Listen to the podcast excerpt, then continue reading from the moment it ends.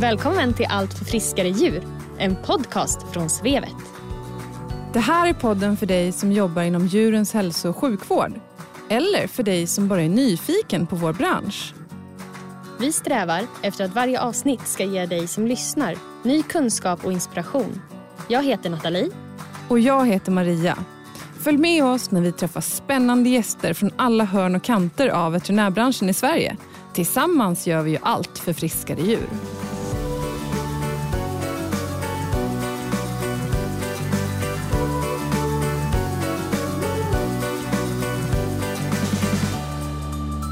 Nathalie! Hej Maria! Hej, hur är läget med dig? Det är jättebra med mig. Solen lyser ju idag. Ja, det härligt. känns alltid bra. Superhärligt. Vi har en gäst med oss idag som verkligen har fördjupat sig i det ämne som hon tycker är allra mest intressant. Vi har nämligen med oss Anna Bolin som jobbar på Evidensia specialisthästsjukhuset i Helsingborg. Hon är veterinär, svensk specialist i hästens sjukdomar, har ett brittiskt certificate i internmedicin för häst och dessutom är hon diplomat of the European College of Equine Internal Medicine. Du har verkligen nördat ner dig kan man säga. Välkommen till podden Anna. Tack så mycket. Kul att vara här. Kul att ha dig här Anna. Hur visste du att det var just internmedicin som du skulle specialisera dig inom? Eh, ja, först och främst är jag ju hästintresserad sen jag var väldigt liten. Så jag visste att jag ville jobba med hästar. Eh, sen har jag under, ehm, eh, Eh, ja, när jag började jobba och sådär, känt att eh, det jag tycker är mest spännande är ändå det här mest akuta. Ehm, och jag tycker också att föl är spännande. Och båda de eh, specialiteterna är ganska så internmedicininriktade. Eh, och om man jämför med kirurgi så gillar jag när mina patienter är vakna. Ja, det, det låter bra. Vakna hästar gillar vi. Ehm, kan inte du berätta lite om ett typiskt fall eller dina vanligaste patienter? Vilka är de vanligaste eh, åkommorna som du behandlar och utreder? Ja, även om man är specialiserad på internmedicin så är det ju ett, eh, på häst ett väldigt brett ämne. Man har ju allt från hudpatienter till mag och tarmutredningar, luftvägar, ehm, alla sjuka föl. Så det är ganska svårt att säga någonting om ett helt standardfall. Men jag har ju främst hand om eh, inneliggande patienter, alltså som är tillräckligt sjuka för att behöva vara kvar på djursjukhuset. Eh, och sen har jag också då lite mer avancerade utredningsfall. Så som eh, eh, den här veckan har jag haft en del hästar inne för diarréutredning. Jag har också haft ett föl med epilepsi och lite specialiserade ögonfall. Så det är ganska vanliga patienter. Jag har också hand om de flesta isolerade patienter hos oss. Alltså som kommer in med eh, potentiellt sett smittsamma sjukdomar eller bara ospecifikt med feber. Och de här patienterna, hur hittar de till just dig? Får du remiss från kollegor eller hur funkar det? Ja, jag har ju dels hand om den, min typ av patient på djursjukhuset så allting som kommer in eh, på jourtid och även dagtid som är mina specialiteter. Det kan ju vara eh, kolikhästar som har blivit buköppnade till exempel. Men sen har jag ju också remisser ifrån eh, både kollegor eh, som har fall som eh, antingen behöver vårdas på djursjukhus eller där man behöver göra specialiserade undersökningar. Eh, och sen också en del djurägare som vänder sig direkt eh, och vill, vill få sin häst vidareutredd av en medicinsk specialist. Ja, kul. Det är jättespännande med internmedicin. Eh, och eh, föl älskar ju alla.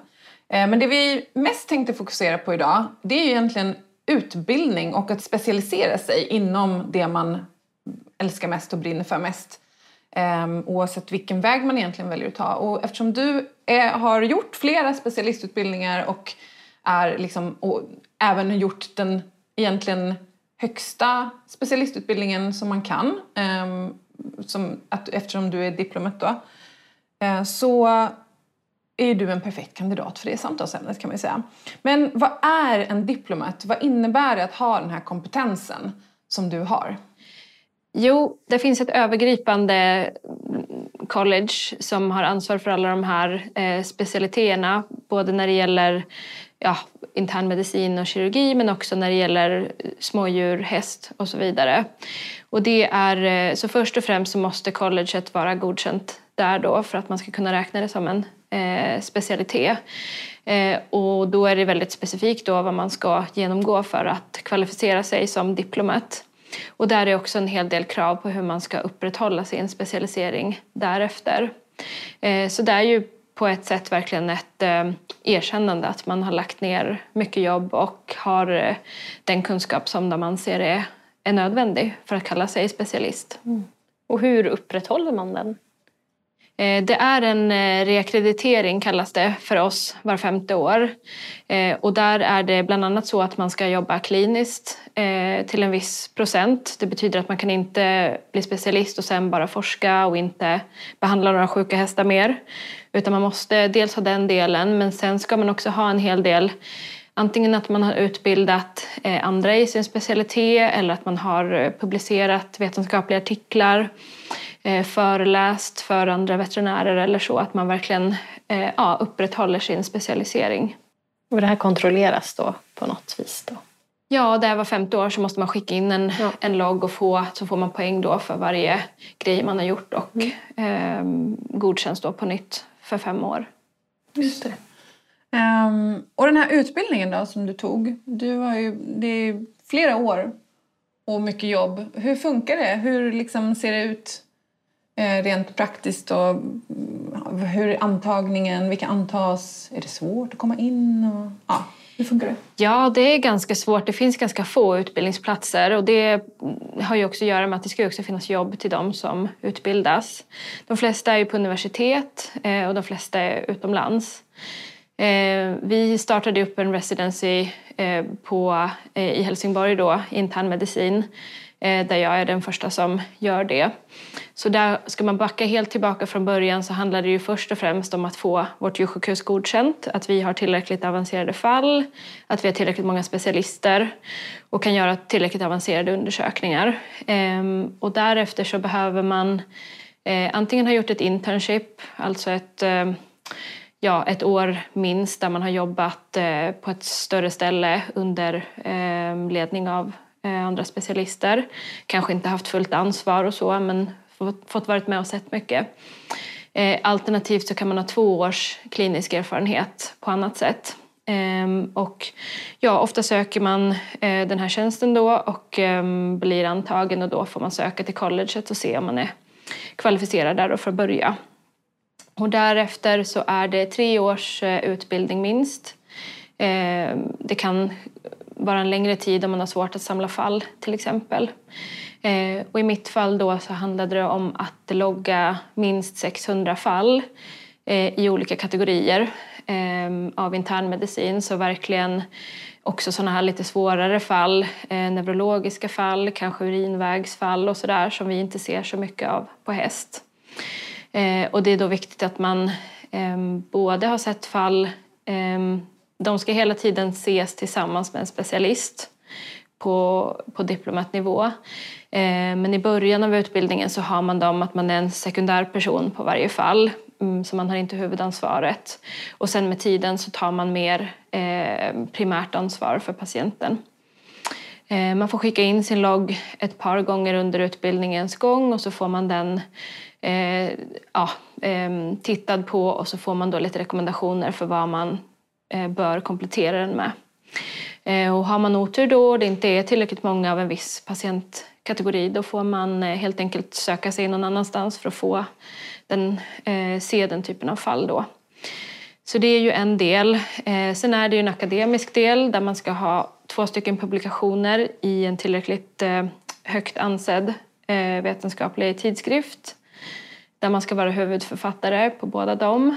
Ehm, man ska också ha gått en del kurser eh, som är lite grann efter intresse. Man ska ha varit på vår årliga kongress ett antal gånger. Och till sist så ska man också ha 13 veckors eh, rotationer i olika andra specialiteter som till exempel anestesi, patologi, klinisk patologi, eh, bilddiagnostik och så vidare. Och då ska det ju då vara med en diplomat i de specialiteterna. Och det har ju vi fått lösa. Vi har inte specialister i alla de här ämnena så jag har fått åka eh, utomlands ett antal tillfällen för att få den utbildningen också. Men det är inget krav att du måste göra, du kan göra allting på ett och samma ställe om du har all den här kompetensen i huset liksom. Det kan man absolut. Ja. Och det är ju lite vanligare då på universiteten där man har eh, lite fler specialister i de ämnena. Eh, det är lite svårare, till exempel en patolog har inte tillräckligt med jobb hos oss Nej. som är eh, ett privat hästsjukhus. Eh, och då, eh, samtidigt kan jag tycka att det är väldigt bra faktiskt att man har kommit iväg. Man har fått jättemycket kontakter i hela världen genom detta och också fått se någonting annat för när man ändå är iväg så ser man ju också mycket annat mm. samtidigt. Mm. Det är ju väldigt många steg man ska gå igenom när man gör det här känns det som. Precis, och då har vi inte ens nämnt tentan. Nej, just det. Den kommer, den vi, kommer vi nog till tror jag. Men under den här tiden innan du gör tentan, mötte du på några speciella svårigheter eller utmaningar? Jag tyckte det var väldigt stressande det här med, med loggen eh, som man skickade in med sina okay. fall. För det var väldigt eh, svårt att veta vad de tyckte var tillräckligt eh, svåra fall för att få räknas. Mm. Och man var lite orolig att liksom inte få den godkänd till sist för det var ju ett visst datum den skulle vara inne för att man ska få göra tentan eh, åtta månader senare. Så att det liksom kräver väldigt mycket förberedelse. Och sen är det också det här med de vetenskapliga artiklarna. Det är svårt att få dem publicerade. Det är jag tror en extra svårighet när man gör det på ett eh, privat ställe som vårt där vi liksom inte har forskningsprojekt på gång på samma sätt. Eh, jag har haft turen haft en extern handledare som har hjälpt mig mycket med det. Eh, och det tar tid att få saker godkända. Man skickar in det, man får tillbaka det, man lägger ner jättemycket jobb och man är ändå inte säker på att det kommer att ge någonting i slutändan. Så även det eh, tycker jag har varit... Eh, och så själva tentapluggandet är ju en utmaning i sig. Ja, visst. Mm. Men hände det att du, några av de fallen som du skickade in, liksom, att de blev nej det här är inte tillräckligt avancerat eller tillräckligt svårt? Precis, då tyckte de kanske att det var för många av samma typ ah, okay. mm. av fall. Mm. Eh, men jag hade ju turen, vi har ju väldigt mycket föl hos oss mm. vilket är, jag är så glad för, för många har svårt att få ihop de mm. fallen. Men, och de har ju väldigt mycket olika mm. medicinska tillstånd eh, så då kan man, kunde man logga dem i lite olika de här svårare, eh, ja, som var svårare att få ihop, till exempel kanske endokrinologi och eh, urinvägsproblem och så, är lite vanligare på föl så jag kunde logga rätt mycket föl mm. på det. Mm. Um, ja, men berätta lite mer om tentan då. Den var ju... Den är vi nyfikna Den på. Är nyfikna på. det känns som att det är det stora det när man gör det här. Det är ju det, för det känns ju lite som att man lägger ner alla de här åren, all den här tiden och sen så måste man ju ändå klara tentan mm. för att man ska få kalla sig specialist. Annars får man ingenting om man inte klarar tentan. Nej, det är ju... Ja, man har gjort en residency i i sitt ämne då. Det är det liksom. Ja. Och det är ju ingen titel på något sätt. Mm. Nej, men det är ju... Eh, man har fyra försök på den här tentan. Det är en gång årligen som den går. Eh, och eh, det är under tre dagar som man gör eh, de här delarna. Eh, det är fem delar. Eh, det är en uppsatsdel med två stora frågor. Två stora ämnen med flera frågor då. Massor av skrivande. Sen är det ehm, tre stycken multiple choice sessioner där det både testas då väldigt grundläggande kunskaper i farmakologi och fysiologi och eh, sånt och sen så lite mera fallbaserat och lite mer specialiserade fall. Eh, och till slut då sista dagen så har man också eh, en muntlig del där man eh, får två stycken fall, man får en kort förberedelsetid och sen så examineras man då av andra specialister och får löpande frågor relaterat till det här fallet då. Mm. Och sen är det en spänd väntan och så får man sitt resultat. Mm. Och du blev godkänd på första försöket? Ja, det är, är helt sant? otroligt. Nej, det är det ja, faktiskt inte. Nej, det Sjukt är imponerande. Verkligen. Men eh, inte otroligt, för du är jäkligt duktig. Grymt. Eh, du är ju också svensk specialist i hästens sjukdomar. Hur kommer det sig? Du gjorde lite det här parallellt med din residency också ju. Eh, hur kommer det sig att du liksom ville göra den med? Jag, började ju, jag blev ju inskriven på den svenska specialisten innan jag visste att jag eh, skulle få en residence i internmedicin så jag hade börjat på den. Eh, och där kände jag att jag gärna ville slutföra den. Dels för att jag tycker att det är jättebra att ha den grunden. Den utbildningen är mycket bredare. Mm. Eh, där jag jobbar måste man ändå kunna hoppa in och ta lite alla möjliga fall. Eh, så jag tycker det var en bra grund. Man fick också läsa till en tenta och förbereda sig för en tenta så jag såg ändå andra fördelar med det, att ändå slutföra det. Så det gjorde jag ju under mitt eh, första år kan man säga som resident så gjorde jag färdigt den eh, specialiseringen också. Och vad skulle du säga är de största skillnaderna då mellan att vara svensk specialist i hästens sjukdomar och att vara diplomat? Eh, bortsett från det att när du är diplomat så fokuserar du på ett område. Men liksom i övrigt? Eh, dels så är det ju så att den svenska specialiseringen den gäller ju bara här i Sverige. Eh, och den är ju mycket bredare. Det är ju alla de här stora områdena. Det är ju förutom medicin då kirurgi, ortopedi och reproduktion. Och där ska man ju egentligen jobba på ett, Eh, så som det är uppbyggt idag i alla fall, jobba på ett ställe där man har tillräckligt många avancerade fall, eh, där man har en handledare som är svensk specialist. Men det är väldigt fritt, det är ingen som, man behöver i nuläget inte logga några fall eller man blir liksom inte kontrollerad under den tiden.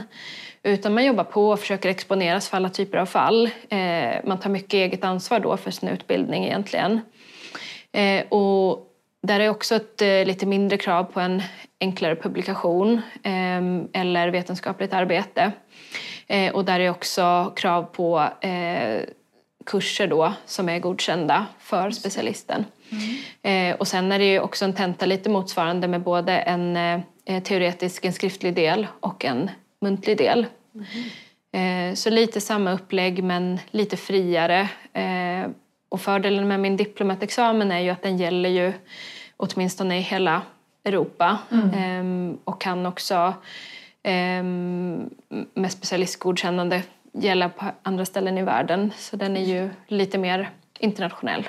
Ja, precis. Så det är lite mer välkänd också. Det, alla vet ju, eller så, runt i världen vad det är för någonting. Ja, och det eh, blir också, tycker jag, mer och mer vanligt med specialisering. Mm. Vi ligger ju liksom efter läkarna många år men vi går ju åt samma håll mm. som dem. Mm. Och sen som om inte allt det här vore nog så har ju du också ett då Certificate of Advanced Veterinary Practice eh, från RCVS som eh, också är med inriktning internmedicin. Berätta om den här utbildningen.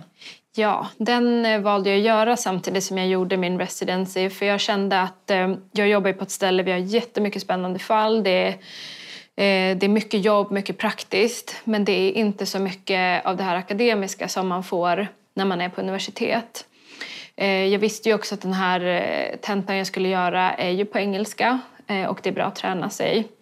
Och det här engelska certificatet är eh, väldigt bra på det sättet att man varje vecka liksom har uppgifter som ska in eller föreläsningar som ska tittas på. Det håller liksom en igång hela tiden. Det är lite mer som en klassisk universitetsutbildning egentligen. Precis, det är det. Och det räknas med att man ska lägga ungefär tio timmar i veckan mm. på den. Eh, och eh, det är ju en massa specialister som ha, håller i de föreläsningarna, onlineföreläsningar då.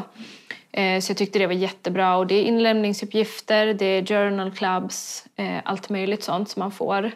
Så det ställer ju en hel del krav på en, eh, men också väldigt bra. Det tycker jag. Och lätt det här, det funkar väldigt bra med online mm.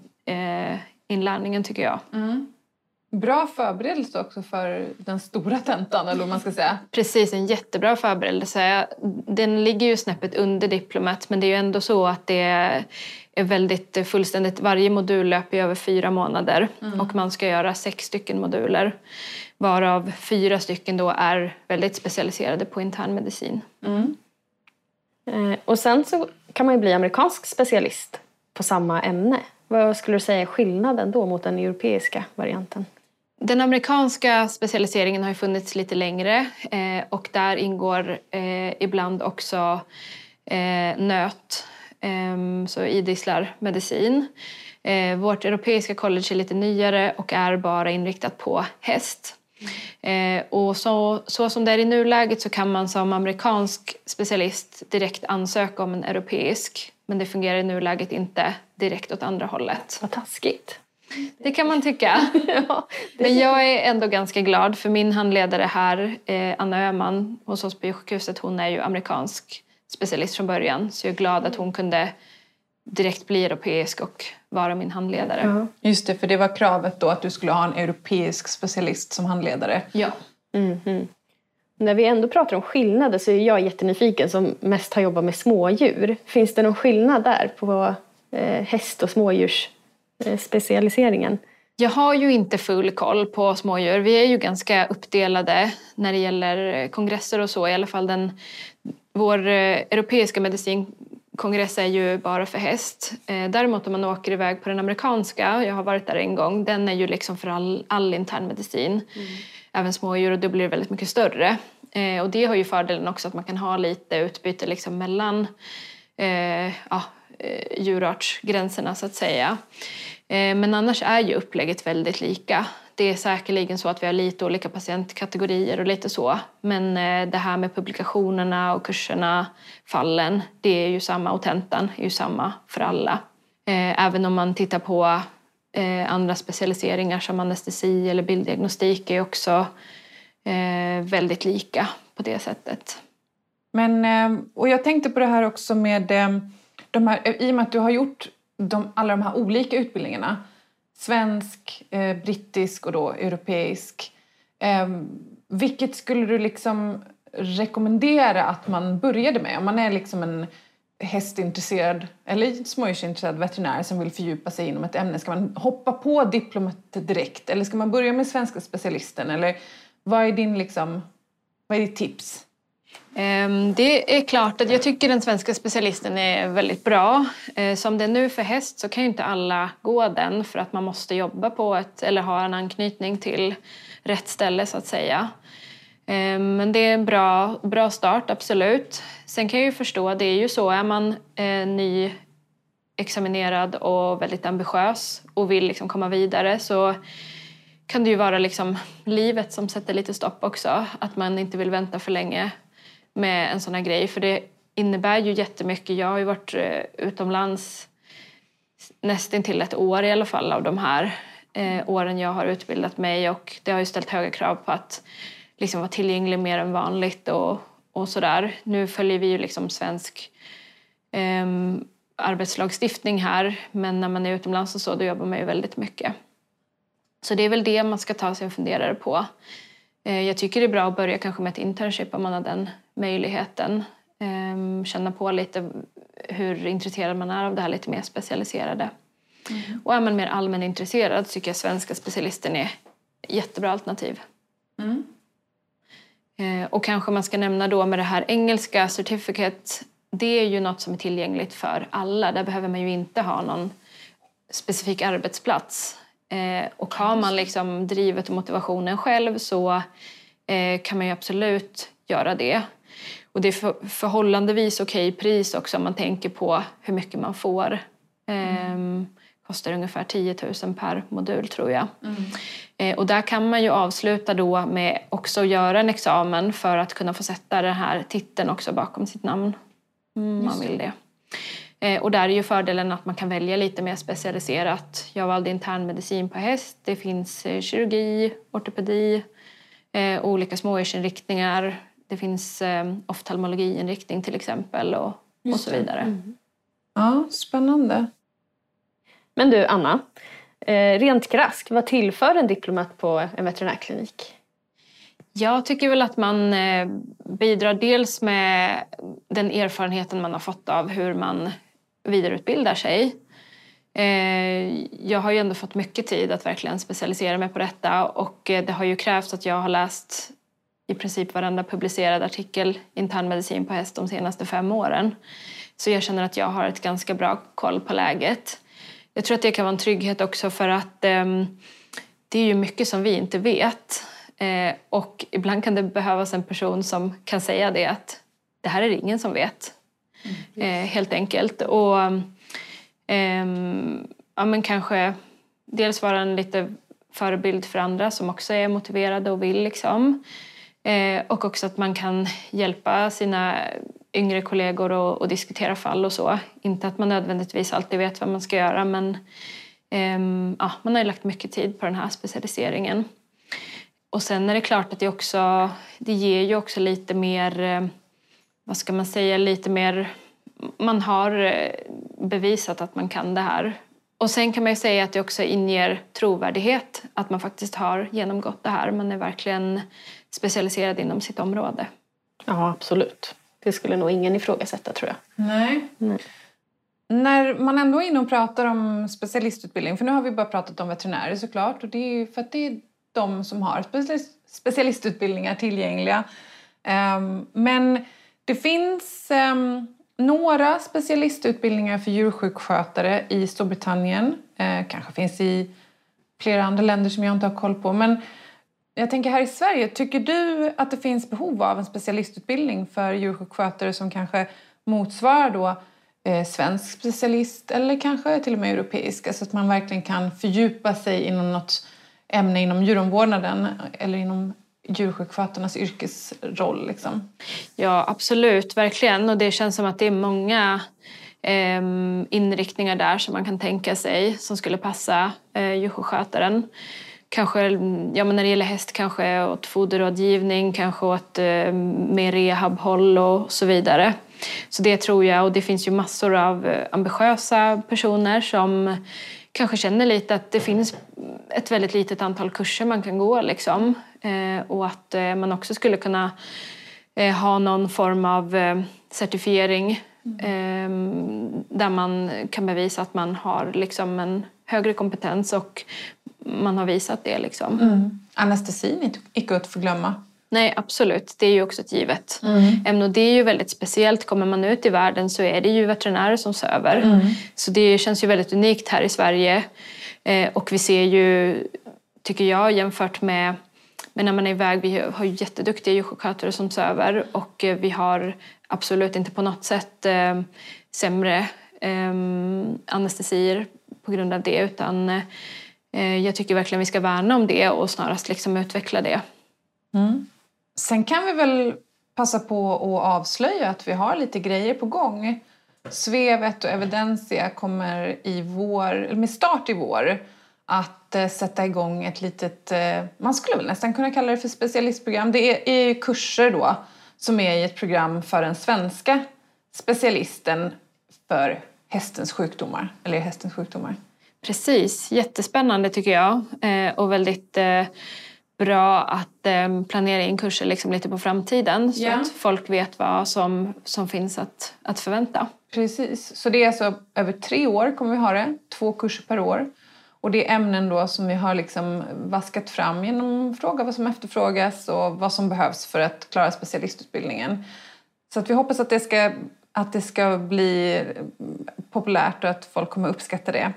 Eh, så håll utkik på Svevets och Evidensias hemsidor eh, och där ni hittar oss i alla möjliga kanaler för att få veta mer om de här kurserna. Eh, till slut, Anna, innan vi rundar av. Vad tror du om framtiden och specialiseringar? Tror du att vi kommer fortsätta liksom utveckla ännu mer fördjupade utbildningar eller tror du att det kommer fler specialister eller fler olika områden? Vad tror du?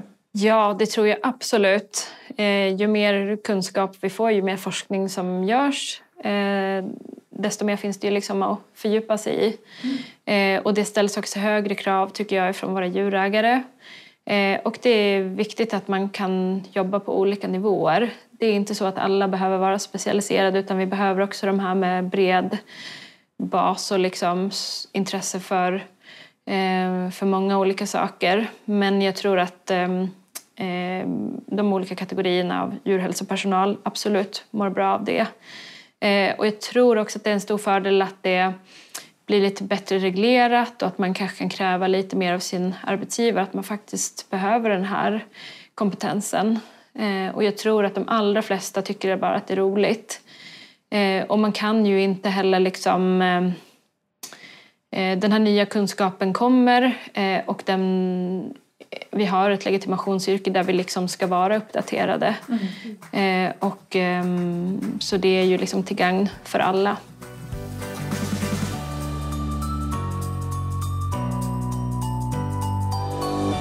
Vi brukar fråga alla våra gäster innan de får lämna oss ifall det finns någon person som de skulle vilja att vi bjuder in till podden eller om det finns något speciellt ämne som man är mer intresserad av. Finns det någonting? Ja, jag har ingen speciell person på lut men jag kan väl tycka själv här efter att man har kämpat rätt hårt här och lagt väldigt mycket av sin tid på sitt arbete att det hade varit väldigt intressant att lyssna på någon som har något klokt att säga om det här med eh, work-life balance. Hur man ska eh, liksom ändå klara den här ganska tuffa miljön som vi ändå har som är lite på tapeten just nu, tycker jag. Och lite hur man eh, på ett bra sätt kan lösa det. Vi är ju ofta väldigt engagerade i vårt jobb. Men bara man sätter gränsen liksom. Mm. Ja, det är jätteviktigt att återhämta sig och få sin välbehövliga vila helt klart. Och hälsa och träning, det ska man inte frakta. Nej, det, vi får väl se vad som kommer. Ja. Man vet aldrig vad vi hittar man på. vet aldrig vad vi hittar på. Anna, hur kommer man i kontakt med dig om man skulle vilja ställa lite följdfrågor efter att ha lyssnat på det här? Man kan ju förstås eh, nå mig via eh, djursjukhuset, specialisthästsjukhuset Helsingborg, via receptionen. Men man kan också mejla mig direkt på anna.bolin.evidensia.se. Tack snälla Anna för att vi fick prata med dig idag. Jättekul att vara med. Och tack alla ni som har lyssnat på det här avsnittet. Om ni vill komma i kontakt med oss med feedback eller önskemål på ämnen eller personer så når ni oss på podcast svevet.se. Och vi hörs igen nästa vecka. Det gör vi. Tack så mycket. Hej då! Hej då!